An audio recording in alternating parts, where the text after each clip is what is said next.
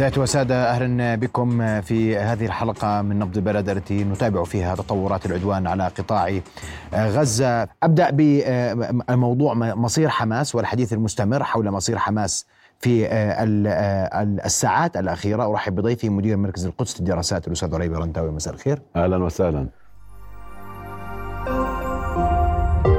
رؤيا بودكاست.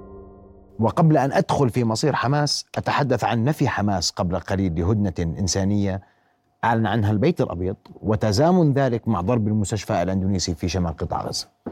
يعني فكرة الهدنة الإنسانية التي أعلن آه، عنها البيت الأبيض فكرة سمجة وسخيفة ولا تمت للواقع والحقيقة آه، والاحتياجات قطاع غزة لاحتياجات الوضع الكارثي في قطاع غزة بأي صلة من أي نوع إيش تحكي لي عن خدني أربع ساعات شمال غزة؟ إيش بقول لك؟ كل خميس مش كل يوم حتى.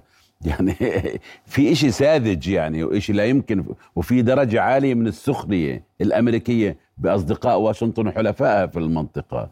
فلذلك يعني كان الطبيعي والمنطقي والمتوقع أن ترفض هذه الهدنة البيت الأبيض قبلنا في حماس وعلى لسان بايدن كان أعلن بأنه الوقت غير مناسب الآن. ويبدو أن وقف إطلاق النار غير ممكن. وذهبوا لنا لاقتراح الهدنة هذا المقيت اللي اقترحوها واللي هي عبارة عن صفحة صفعة لكل الجهود العربية والدولية الرامية لوقف هذا حفل الجنون الإسرائيلي على على قطاع غزة. لكن رب ضارة نافعة يعني البعض كان يتخوف من هدنة شكلية يمكن أن تمر وبالتالي يجري تنفيس القمتين العربية والإسلامية. الآن سيدي الكرة في ملعب العرب الكرة في ملعب العالم الإسلامي. واشنطن تكشر عن أنيابها وتظهر كعدو للشعب الفلسطيني والأمتين العربية والإسلامية قولا واحدا. اللي بيديروا المعركة واللي بيقرروا الهدن واللي بيرفضوا الهدن جالسين في البيت الأبيض. وإسرائيل ظهر بأنها تابع ذليل للولايات المتحدة وليست قوة قائدة ومهيمنة ومسيطرة على الدولة على الدولة الأعظم. دعنا نرى ما الذي سيخرج عن القادة العرب يوم يوم السبت وعن القادة المسلمين يوم الأحد. مطلوب موقف حازم في هذا الموضوع، موضوع انذارات تصدر مرفوقة بسلسلة من الإجراءات اللي يمكن اتخاذها في عدم في حال عدم الإصغاء لنداء مليارين مسلم في العالم و400 500 مليون عربي ما شاء الله في الع... يعني هذا ينبغي أن يكون على جدول أعمال القمة. واليوم الوزراء اجتمعوا وأصي... وأكيد وصلتهم التقارير لنرى هذا تحدي كبير. هذه لحظة فاصلة. أعتقد أن القادة العرب والمسلمون يقامرون بمستقبلهم وبمستقبل بلدانهم وباستقرار بلدانهم وبعلاقاتهم بشعوبهم إن لم ينتصروا لغزة في ظل هذه المذبحة وفي ظل شلال الدم الذي يجري حتى الآن. يتزامن كل ذلك أستاذ عريب بالحديث عن مصير حماس ما بعد هذه الحرب. و آه، وجهة النظر الاحتلال يتحدث صراحة بكل سماجة أنه يريد أن ينهي وجود حماس في غزة. شو بستنى شو بستنى المعركة مفتوحة ودخلوا على الأرض مش بيقولوا هيك؟ وألقوا قنبلتين نوويتين كانتا كافيتين لإرغام إمبراطور اليابان على توقيع صك الاستسلام أمام الولايات المتحدة جاثما على ركبتيه. قنبلتين نوويتين وهذا مش كلامي هذا كلام الخبراء العسكريين. يا هيك قنبلتين ما يعادل قنبلتين نوويتين من طراز هيروشيما سقطت على غزة. وشفنا امبارح أبو عبيدة وشفنا امبارح الفيديوهات وشفنا عمليات قنص واصطياد الدبابات وشفنا الكمائن اللي بتوقع فيها الدوريات الراجل الإسرائيلية. وشو والحساب مفتوح. من قال من قال ان أن حماس رفعت الرايه البيضاء. حماس بمزاج في غزة بمزاج بمزاج استشهادي. القسام في غزة بمزاج استشهادي. ومش صدفة. إسرائيليين بيقولوا لحماس النصر الاستسلام أو الموت. شو برد عليهم الناطق باسم الكتائب؟ إنه جهاد نصر أو استشهاد. أنتم عارضين علينا خيارين؟ الموت أو الاستسلام وإحنا بنعرض عليكم خيارين. النصر أو هذا المزاج اللي بحكم مقاتلي المقاومة في قطاع غزة. بالتالي اللي بيبشر سلفا عن حسن نية أو عن سوء نية وربما عن ارتعاد فرائص. ربما كثير ترتعد فرائصهم أمام هول ما يجري وهو كبير وكثير.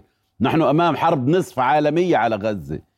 أمام حرب نصف عالمية هذه ليست حرب إسرائيل وحدها. ربما يصلوا إلى هذا. لكن في بعض الخبثاء والمغرضين وبعض أصحاب المشاريع المشبوهة في المقدمة منهم إسرائيل بدهم يهمونا إنه الآن هم عم بتقاسموا جلد الدب. طيب يا أخي اصطادوا بالأول. اصطاد الدب بالاول بعدين يعني ادخل في مفاوضات لتقاسم جلده. يعني أرى العنقاء تكبر أن تصاد فعاند من تطيق له عنادا. وأنا بعتقد لا إسرائيل ولا الاولاد قادره إنها تعاند الشعب الفلسطيني العنيد ولا مقاومة الباسله ولا شعبه الصامد. الفلسطينيين دفعوا حتى الآن حتى يومنا هذا أكثر من أربعين ألف شهيد وجريح ومختفي هذا الدم لن يذهب مجانا.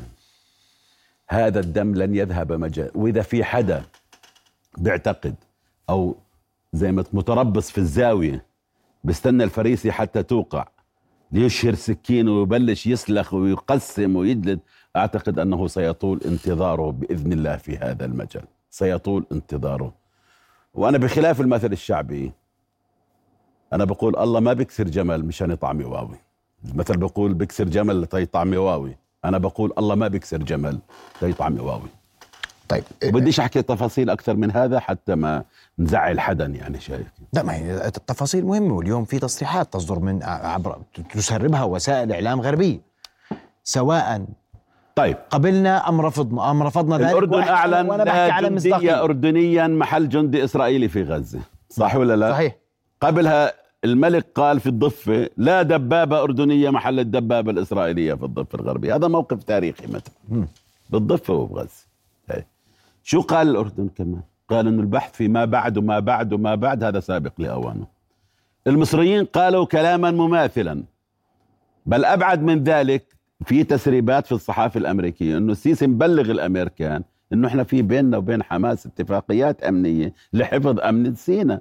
وإذا صارت الانهيارات هذا قد يمس بأمن سينا. اليوم إسماعيل هنية وخالد مشعل في القاهرة. شو بسووا في القاهرة؟ بوقعوا سك استسلام في القاهرة؟ بيبحثوا معاه مرحلة ما بعد حماس؟ يعني اللي بده يبحث اللي بده يرث حماس قبل ما تموت ما بتجيب قيادتها على على القاهرة في هذا الظرف وفي هذه اللحظة. يعني أنا بعتقد نعم أنا أنا معك يعني العرب من من العرب سيجرؤ على على حمل على تحمل أوزار غزة وعلى نشر قوات في غزة؟ من من الغربيين مستعد يدخل في هذا المستنقع؟ والمسألة بس مش أمنية هون الآن خذ بعين الاعتبار. غزة العبء ليس أمني فحسب وهو ثقيل امنيا. ثقيل جدا إسرائيل ما قدرت عليه. لكن العبء اقتصادي واجتماعي ونفسي وإنساني وبنى تحتية وإعادة إعمار وإعادة توطين المه... النازحين في أرضهم المشردين في أرضهم من الشمال للجنوب من الشرق للغرب وكل هذا الذي جرى. من سيتحمل هذا العبء؟ من سيتحمل هذا العبء؟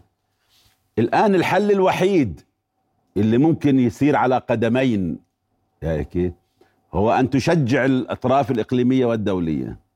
وأن تحفز الأقراف الإقليمية والدولية بالذات صديقة للشعب الفلسطيني بالذات الدول العربية القمة العربية مبادرة أردنية مصرية قطرية ومن يريد أن يلتحق بها. أن, أن نذهب إلى صيغة وحدوية بين كل الفصائل الفلسطينية. إطار قيادي مؤقت طارئ يجمع الجميع. وهذا الإطار هو المكلف والمفوض بالتفاوض مع كل الأطراف حول مصير الوضع الفلسطيني كله مش بس في غزة. في غزة وفي الضفة وفي القدس وفي كل مكان. هيك بدي بدي أجرؤ وأقول أكثر من ذلك. المطلوب الآن توفير شبكة أمان للمقاومة. وليس البحث الآن في اقتسامها وفي وراثتها قبل أن آه، قبل أن تموت. بدهم يورثوها بالحياة زي ما بنقول بالمثل الشعبي الأردني. بدهم يورثوها بالحياة. لسه حي المقاومة بتقاتل الحل الآن توفير شركات أمان فلسطينية للمقاومة. بدءا بالسلطة الفلسطينية. الحل الآن بتوفير شبكة أمان عربية للمقاومة في القمة ونحن على مبعدة 24 ساعة 48 ساعة من هذه القمة. من خلال الإقرار بأن حماس ليست تنظيما إرهابيا وحماس جزء أصيل من الشعب الفلسطيني وحماس مكون من حركة التحرر الوطني الفلسطينية. وحماس ليست عمارة أو بناية ليجري تهديمها فوق رؤوس الأطفال والنساء. حماس فكرة كما قال وزير الخارجية أيمن الصفدي قبل يومين. فكرة وأنا أضيف إليها فكرة متجذرة في أوساط الشعب الفلسطيني. استطلاعات الرأي كانت تعطي حماس أغلبية قبل طوفان الأقصى والآن تعطيها أغلبية ساحقة بعد طوفان الأقصى. شو بيحكوا هدول؟ عن إيش بيحكوا هدول؟ يعني أنا لما بسمع هذا الكلام. يعني كأنه كان كانها عصابة صغيرة كانهم مجموعة من من لصوص المصارف المختبئين في بناية بدنا نروح ننقض عليهم هم واهمين ومشتبهين و... وأعتقد وأعتقد أنهم سيتراجعون وأعتقد كلما صمدت المقاومة كلما صمدت غزة كلما س... كلما هبطوا بسقف هذه التوقعات ولكن طيب. معك يا أستاذ محمد قلنا هذه الحرب طويلة نعم. لما كنت معك آخر مرة نعم. قلنا لسه خط النهايه طويل.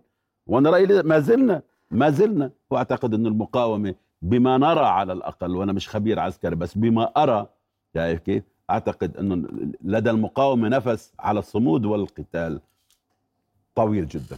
طيب بس اليوم انت أنت قلت لي إحنا إحنا مش خبراء عسكريين لكن نتحدث سياسيا. هناك إصرار في التصريحات وقوف عند التصريحات والتصريحات حديثها واضح منبعه وأساسه البيت الأبيض و و و وتل أبيب وعواصم غربية واوروبيه لا يمكن أن نقبل بحماس في غزة. هذا ما يصرح به العالم اليوم. طيب. يعني قبل سنوات كانت هذه التصريحات. اسمح لي أسمع إجابتك بعد ما أخذ مراسلنا حافظ أبو صبر لأنه موجود في جنين وانت لك حافظ. جنين مجزر نعم. وسأسألك عن الضفة الغربية لكن قبل ذلك حافظ أستمع لك حافظ وآخر التطورات لديك ورحم الله الشهداء من زملائك الصحفيين وزملائنا. الصحفيين اولا وحفظكم الله جميعا في جنين وفي كل أرض فلسطين من أقصى شمالها إلى أقصى جنوبها. تفضل حافظ. نعم محمد انسحبت قوات الاحتلال بعد اجتياح لربما هو الأطول منذ السابع من أكتوبر. استمر لعشرة ساعات ويأتي بعد ساعتين فقط من اجتياح كبير أيضا. استمر لخمسة ساعات في ذات الموقع في محيط مخيم جنين داخل مخيم جنين. عدد كبير من الغارات نفذت داخل المخيم وغارة واحدة نفذت في منطقة برقين. حتى اللحظة عدد الشهداء غير محصور. هناك إصابات داخل المخيم. بدأت طواقم الإسعاف بالتوجه للوصول إليها بعد انسحاب قوات الاحتلال. وكل هذا يأتي عقب صمود كبير للمقاومين الفلسطينيين ولربما فشل في هذه العملية العسكرية التي قال الاحتلال بأنها لن تنتهي إلا بتحقيق أهدافها. شاهدنا اشتباكات نرصدها لأول مرة وصمود فلسطيني مقاوم على الأرض في محيط مخيم جنين وهذا دون التطرق لما جرى داخل المخيم من اشتباكات خاضها المقاومون مع قوات الاحتلال التي انتشرت في محيط المخيم وفي كل المحاور. حتى اللحظة وصل إلى مستشفيات مدينة جنين أكثر من 12 شهيدا. لم يصلنا رقم رسمي بعد من وزارة الصحة الفلسطينية ولكن آه، أعداد الشهداء ستكون أكبر في ظل وجود إصابات خطيرة جدا واستهدافات بالرصاص الحي في المناطق العلوية من الجسد من قبل عدد كبير من القناص انتشروا في محيط مداخل مخيم جنين. هذا إضافة للشهداء الذين ارتقوا آه، نتيجة لغارات جوية عبر طائرات مسيرة أطلقت صواريخ ذكية في أكثر من حي وحارة وزقاق داخل مخيم جنين. أبرزها في حارة الدمج وحارة جورة الذهب وفي الساحة الرئيسية التي جرفت جرفات دي 9 العسكرية التي رافقت الاحتلال آه، ما تبقى منها غير مدمر خلال تسعة اقتحامات نفذها الاحتلال للمخيم وفي محيطه منذ السابع من أكتوبر. نتحدث عن عدد كبير من الإصابات غير الخطيرة أيضا وهذا يدلل أن الاحتلال كان يستهدف الكل على الأرض سواء مقاومين أو مدنيين. حتى نحن الصحفيين باغتنا الاحتلال بينما كنا نرصد الاشتباكات في محيط دوار السينما وحاول دهسنا وأطلق الرصاص على مجموعة كبيرة من الصحفيين بشكل مباشر. وأصيب عدد من الزملاء حتى صبيحه اليوم أيضا كان هناك إصابة لأحد الزملاء الصحفيين بشظايا رصاص أطلقت صوب أقدامه داخل مستشفى جنين الحكومي. هذا المستشفى الذي استهدفه الاحتلال تماما ليؤكد على أن أهدافه في الضفة الغربية هي ذاتها في قطاع غزة. إن كان يستهدف الشفاء في قطاع غزة هو يستهدف مستشفى جنين الحكومي في آه، مخيم جنين وفي مناطق الضفة الغربية. تزامن ما يجري مع آه، في مخيم جنين من استهداف للمخيم وبنيته التحتية مع اقتحام كبير في مخيم بلاطة عصر اليوم استمر لساعتين. فشل أيضا الاحتلال خلاله في الوصول لمطاردين فلسطينيين. كان يود اغتيالهم أو اعتقالهم وعلى رأسهم أبرز المطاردين عبد الله أبو شلال قائد كتائب الثأر والتحرير التابعة لكتائب شهداء الأقصى حركة فتح وأصيب ثلاثة فلسطينيين أو خمسة فلسطينيين عفوا بجروح منها كانت آه، إصابة خطيرة استشهد على إثرها الشاب قدري الحطاب وهو في السابعة عشر من عمره من محيط مخيم بلاطة. هذا تزامن أيضا مع آه، آه، تفاعل اقتحامات الاحتلال في مناطق بيت فوريك وعقرب بحثا عن منفذي عملية إطلاق النار التي أوقعت إصابتين في صفوف المستوطنين الليلة الماضية. وكل هذا جاء بعد اقتحام كبير في مخيم الأمعري قرب رام الله واستشهد على إثره شاب فلسطيني وأصيب عدد كبير من الشبان خلال اعتقال اثنين من المطلوبين لقوات الاحتلال وفقا لبيان صادر عن ناطق باسم جيش الاحتلال. نعم حافظ المواجهة في جنين كانت مواجهة عسكرية بالكامل صحيح؟ بمعنى يعني كانت يعني المقاومة ترد على على دخول على اقتحام مخيم جنين. نعم من داخل المخيم ومن خارج المخيم تصدى المقاومون ومن كل المجموعات المقاومة المسلحة وعلى رأسها كتيبة جنين التابعة لسرايا القدس لسرايا القدس الجناح العسكري لحركة الجهاد الإسلامي. كل هؤلاء كانوا يتصدون من داخل أزقة المخيم ومن خارج المخيم ومن كل المحاور التي تواجد الاحتلال عند عندها في مداخل مخيم جنين سواء الرئيسية أو الفرعية. وكما قلت رصدنا على الهواء مباشرة ويمكن أن تستعرض جزء من هذه الاشتباكات العنيفة التي تصدى من خلالها المقاومون الفلسطينيون حتى رصدنا عملية آه، اغتيال لأحد المقاومين بالرصاص وإطلاق الرصاص على الطواقم الطبية التي حاولت إسعافه. وبعد إصابته جاء زميل مقاوم له وأكمل اشتباكه وهذا يدلل على مدى التصدي الفلسطيني في هذا المخيم ومدى فشل الاحتلال وفقا لما يقوله السكان الذين يشكلون حاضنة اجتماعية للحالة المقاومة. فشل الاحتلال في الوصول للمقاومين وقادت كتيبة جنين وقادت بقية الفصائل المسلحة العاملة في آه، مخيم مخيم جنين. يبقى أن نقول بأن الاحتلال كان يحتجز طلبة رياض الأطفال والمدارس في محيط المخيم من مدارس الوكالة والمدارس الحكومية وروضات الأطفال الخاصة. في مدارسهم منذ العاشرة من صبيحة هذا اليوم حتى ما قبل ساعتين من الآن حينما منح المواطنين هدنة ووقفا لإطلاق النار لمدة ساعة أتاح من خلالها لأهالي الطلبة بالوصول إلى المدارس ونقلهم إلى منازلهم. رغم ذلك لم يصل الأهالي جراء إجراءات الاحتلال. نقلت نقلت طواقم تدريسية هؤلاء الطلبة والأطفال صوب نادي مدينة جنين والمركز الكوري وساحة الملعب القريبة من المخيم. وهناك استطاعت أهالي استطاع أهالي الطلبة الوصول لأبنائهم ونقلهم إلى منازلهم بعد ساعات طويلة من الرعب والخوف عاشوها سيما طلبة رياض الأطفال هذا وفقا للمقاطع المصورة التي خرجت من داخل الروضات وحيث كانت معلمات الروضة تحاول تهدئة روع الأطفال الذين أصيبوا بحالة كبيرة من التوتر والرعب نعم. نتيجة لأصوات الرصاص الانفجارات المتعددة والغارات التي استهدف بها مخيم جنين للمرة الخامسة منذ بدأ طوفان الأقصى. صرنا نرى قصفا جويا وغارات جوية وغارات جوية صوب المخيم. نعم أشكرك كل الشكر حافظ أبو صبرة كنت معنا مباشرة من جنين والحمد لله على سلامتك وال... والرحمة لشهداء جنين وشهداء فلسطين آه، آه، بأكملها. وقبل ما أجي للضفة الغربية وتطوراتها بدي أسمع ردك على على العالم العواصم ماذا تقول؟ نعم. أصحاب القرار إن صح التعبير شوف يا سيدي فيما يخص ما يسمى ترتيبات ما بعد حماس في غزة في انقسام أمريكي إسرائيلي واضح. إسرائيل حكى نتنياهو أنه يريد دور أمني مباشر لإسرائيل لمدة طويلة حتى إشعار آخر في قطاع غزة أنه يتهدد بما معناه باحتلال القطاع وإبقاء قوات وسيطرة أمنية والتحكم بكل المفاصل الأمنية في القطاع. هذا من أول يوم الإدارة الأمريكية رفضته قالت أنه خطير وخطير على إسرائيل أولا.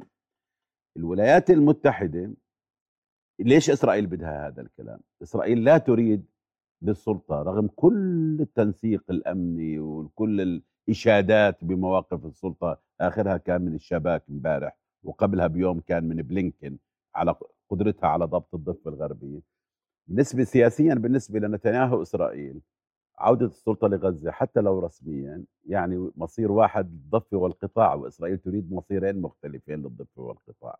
ومن هون إذا لاحظت إحنا لنا فترة في الأردن الملك والوزير والخارجية بنشدد إنه لا مصير لغزة مستقل عن الضفة الغربية.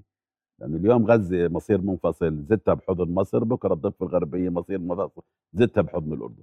الولايات المتحدة بعد ما شافت إنه الإطار العربي الإقليمي مش متشجع ابدا ورافض لفكرة إنه يستولي هو أو يعني يتولى هو موضوع غزة ذات الأردن ومصر تحديدا مصر في حالة غزة بدأ يحكي عن دور محوري للسلطة الفلسطينية في مرحلة ما بعد حماس هذا الامريكان بيحكي. وعشان هيك راح بلينكن من عمان على رام الله يعني في الزيارات السابقة ما راح على رام الله. صحيح. واشترط للقاء عباس في رام الله إنه يدين حماس. حم- عباس رفض وما راحش. المرة هاي عباس ما ما ادان وراح راح لأنه بده بده يستجلب السلطة لهذا الدور. السؤال هي السلطة قادرة على ضبط الوضع في الضفة الغربية؟ ما هي جنين على سبيل نموذجا. هي نابلس هي تور كلم عقبة جبر إلى آخره. هذا كله لن يفضي إلى مطرح. الآن الإدارة الأمريكية في مرحلة البحث عن مخارج. في حديث عن إدارة مؤقتة فلسطينية في قطاع غزة من أهل غزة ومن بعض الشخصيات المقربة من منظمة التحرير. ويؤتى على ذكر شخصيات فتحاوية بالمناسبة من موجودة في غزة الآن. بدناش نحكي أسماء يعني يعني لكن في كمان أيضا يعني آه، تفكير إنه السلطة غطاء لقوة أمريكية إسرائيلية. وهنا يعني السلطة بتكون يعني حفرت قبرها بيدها إذ قررت العودة إلى غزة على ظهر دبابة اسرائيلي أو أمريكي. هذا بيكون نهاية مطاف حتى مقابل وعود كاذبة معسولة من تلك التي اعتدنا عليها طوال ثلاثين عاما. رؤية حل الدولتين مسار سياسي ذي مغزى. وأنت بتعرف هذه التصريحات قديش مرت علينا بالعشرين 30 سنة الم- الفائتة بدون أي نتيجة. أنا بعتقد على الولايات المتحدة إن أرادت ال- الوصول إلى حل ما إن أرادت وقف الانحدار في صورتها ومكانتها إن أرادت وقف هذه المذبحة والعرب كذلك المخرج يبدأ من سلطة فلسطينية مطعمة. سلطة فلسطينيه قيادة فلسطينية موحدة. فيها كل الفصائل الفلسطينية. بما فيها حماس تتولى هي كل الترتيبات بهذا المعنى. بما في ذلك يعني وقف إطلاق النار. المبادر قدم إسماعيل هنية مبادرة من أربع نقاط مهمة. ما حدا بده يلتقطها. قدم مبادره النقطة الأولى وقف شامل ونهائي لاطلاق النار. تبادل شامل للأسرى وتبييض السجون الإسرائيلية. النقطة الثالثة فتح كل المعابر ورفع الحراس ال- الحصار. الحصار والنقطة الرابعة النقطة الرابعة والجوهرية مسار سياسي ينتهي بدولة عاصمتها القدس. يعني إذا أنتم يا سلطة فلسطينية يا منظمة التحرير كنتم زعلانين من برنامجنا إحنا يعني الآن بنقبل بقصة دولة فلسطينية عاصمتها القدس. يعني هيك. لكن لا أحد يريد التقاط هذه المبادرة. والسبب والسبب مش سبب أن الشرط لم ينضج. إيش قصدك؟ قصدي إنه بدهم مزيد من المعارك. طب إسرائيل عم تقتل لها 34 يوم. اليوم إحنا في اليوم الرابع والثلاثين محمد صح؟ مم. في هدف عسكري تستطيع أنت كإعلامي متابع بدقة لهذا. أنت من يوم الأحداث لليوم ما عندك شغله غير غزة وإسرائيل وطوفان الأقصى. صحيح. في مكسب عسكري واستضفت خبراء عسكريين انت. ممكن إسرائيل تقدمه للرأي العام الإسرائيلي لا وتقول والله هذا غير موجود. أو غير موجود. تقدمه للإدارة الأمريكية. غير موجود. طب كيف إيش بدهم يعملوا؟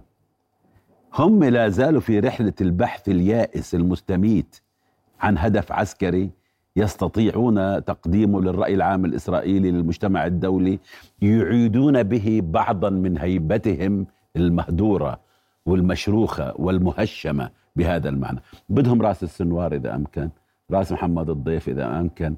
بدهم أن يعني اختراقات كبيرة بهذا المعنى. يدخلوا على مكان يلاقوا لهم 10 20 30 رهينه يحرروها ضمن بروباغندا إعلامية وتصوير القسام. قبل قليل أعلن وفاة مجندة آه، آه، عمرها 19 عام في القصف الإسرائيلي أيوة. على قطاع غزة. هلأ صاروا 60 يمكن اللي اللي- أعلن عنهم القسام قتلوا في القصف الإسرائيلي. هم بيبحثوا على صورة مصر. وهذا قلناه في أول لقاء هنا من على هذه المائدة وعلى هذه الشاشة في بدايات الحرب بيبحثوا عن صورة مصر حتى الآن ما حصلوا عليها. وعشان هيك بايدن بيقول لك الشرط غير ناضج لوقف إطلاق النار. وعشان هيك مشاريع التهدئة اللي بيقدموها بائسة ولا تليق إلا بهم. يعني ابدا بكل معنى الكلمة. بدل ما نغرق كثيرا في هذا الموضوع أنا في رأيي آن الأوان زي ما المقاومة بادرت واستحدثت الزلزال هز أركان ال- الجيش الذي لا يقهر والاستخبارات التي لا تفشل في إسرائيل. آن الأوان أن يرقى الموقف العربي الجماعي في الرياض بديش أقول لهذا المستوى لكن ما يكونش بعيد جدا عنه. موقف سياسي حاسم يضع وقفه مذبحة في غزة كشرط كشرط لاستمرار يعني العلاقات مع الولايات المتحدة. وبدي أنتقل وإحنا من الضفه الغربيه واستمعت لمراسلنا هناك وتابعت. ما حدث طيلة هذا اليوم صح التعبير في في, في الضفة الغربية من دخول لجنين واقتحام لمخيمها ومعارك عنيفة تحدث في هذا المخيم ودخول لمخيم بلاطة في نابلس وانسحاب دون تحقيق أي نتيجة. شيئا فشيئا غزة تنتقل إلى الضفة الغربية. جنين الآن هي هي غزة الجديدة في الضفة الغربية وأعتقد أن نابلس ومخيماتها طول كرم ومخيمها كثير من المدن الفلسطينية تتحول إلى ذلك. أعتقد أن أن قدرة السلطة وقدرة إسرائيل قبل السلطة على ضبط الوضع الأمني في إسرائيل في الضفة الغربية تبدو مهتزة للغاية. وكلما استمر أمد هذه الحرب كلما زادت فرص الانفجار في الضفة الغربية الانفجار الكبير في الضفة الغربية. صحيح الضفة لها ظروف غير ظروف غزة. والضفة ليست يعني لا مدججة بالسلاح ولا بالصواريخ ولا بالقواعد ومقطعة الأوصال وبنعرف كيف حالة الاستباحة. أكثر من 2000 معتقل يعني في غضون الشهر اللي مضى. أكثر من أكثر من 170 شهيد في الضفة الغربية.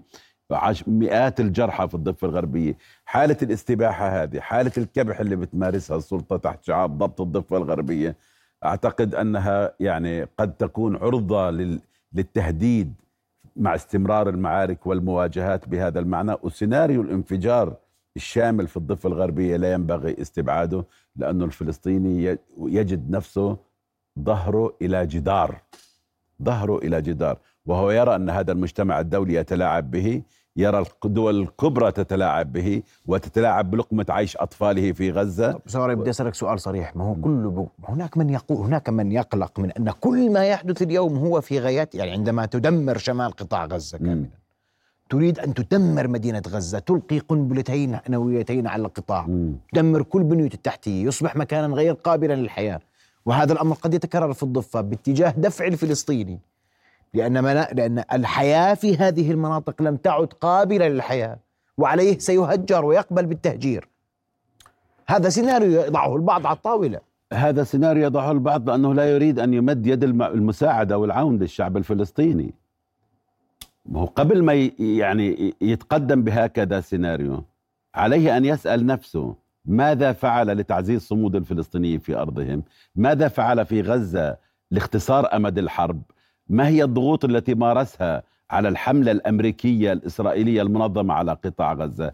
هؤلاء في مواقع النظار والمتفرجين لا يفعلون الكثير في هذا المجال ويلمون الشعب الفلسطيني عندما فجر زلزالا كبيرا في غزة أو بصدد تفجير زلازل ارتدادية في الضفة الغربية يلومون الشعب الفلسطيني طب طوال 30 سنة وين كانوا للآن بيبكوا على غزة وبيبكوا على الضفة الغربية؟ عندما كانت الاستيطانات المستوطنات تتسع والاستيطان يقضم والأسرى يقضم الأرض والحقوق والمقدسات والأقصى ينتهك. والأسرى في بعض الأسرى لهم في السجون 44 سنة أخي محمد مش يوم وليلة. وين كانوا هؤلاء؟ وين رايحين؟ ها؟ وين رايحين؟ أنا في رأيي أمامنا أمامنا فترة فترة قتال صعبة، أمامنا عملية عض أصابع صعبة ومريرة بهذا المجال، من يصرخ أخيرا يعني أولا يعني هو المهزوم لا محالة، غزة لا زالت صامدة، المقاومة لا زالت تقاوم، وأعتقد أن ما بعد ما بعد هذا الطوفان لن يكون كما قبله لجهة أنه ليس الآن بمقدور أحد في هذا العالم كله أن يدير ظهره للقضية الفلسطينية، تذكر شغله قبل الطوفان. مين اللي كان يقول يا عمي هذا الانحباس في المسارات سيؤدي إلى انفجار؟ مش إحنا؟ نعم. مين اللي كان يقول بدون مسار سياسي ذي مغزى بدون دولة فلسطينية بدون مش وقف هذا هذه العربة بدون حل دولتين. بدون حل دولتين إلى آخره. الآن اللي كانوا يقولوا هذا الكلام اليوم بعد بعد الحرب والآن أثناء الحرب سيجدوا آذانا كثيرة تصغي إليهم. المقاومة نجحت في وضع القضية الفلسطينية على رأس جدول الأعمال الدولي وهمشت كل النزاعات في العالم بهذا المعنى. وبدنا كتاف عريضة اللي نقدر نقطف الثمار بدنا كتاف عريضة اللي تقدر تفتح المعبر بدنا كتاف عريضة اللي تقدر تدفع باتجاه وقف إطلاق النار بدنا كتاف عريضة اللي تقدر توفر شبكة أمان للمقاومة بدنا كتاف عريضة اللي تقدر تقودنا إلى ضفاف المشروع الوطني الفلسطيني مشروع العودة وتقرير المصير والدولة وعاصمتها القدس. أشكرك كل الشكر مدير مركز القدس للدراسات أستاذ ابي برنتاوي على حياك الله ليلى رؤيا بودكاست.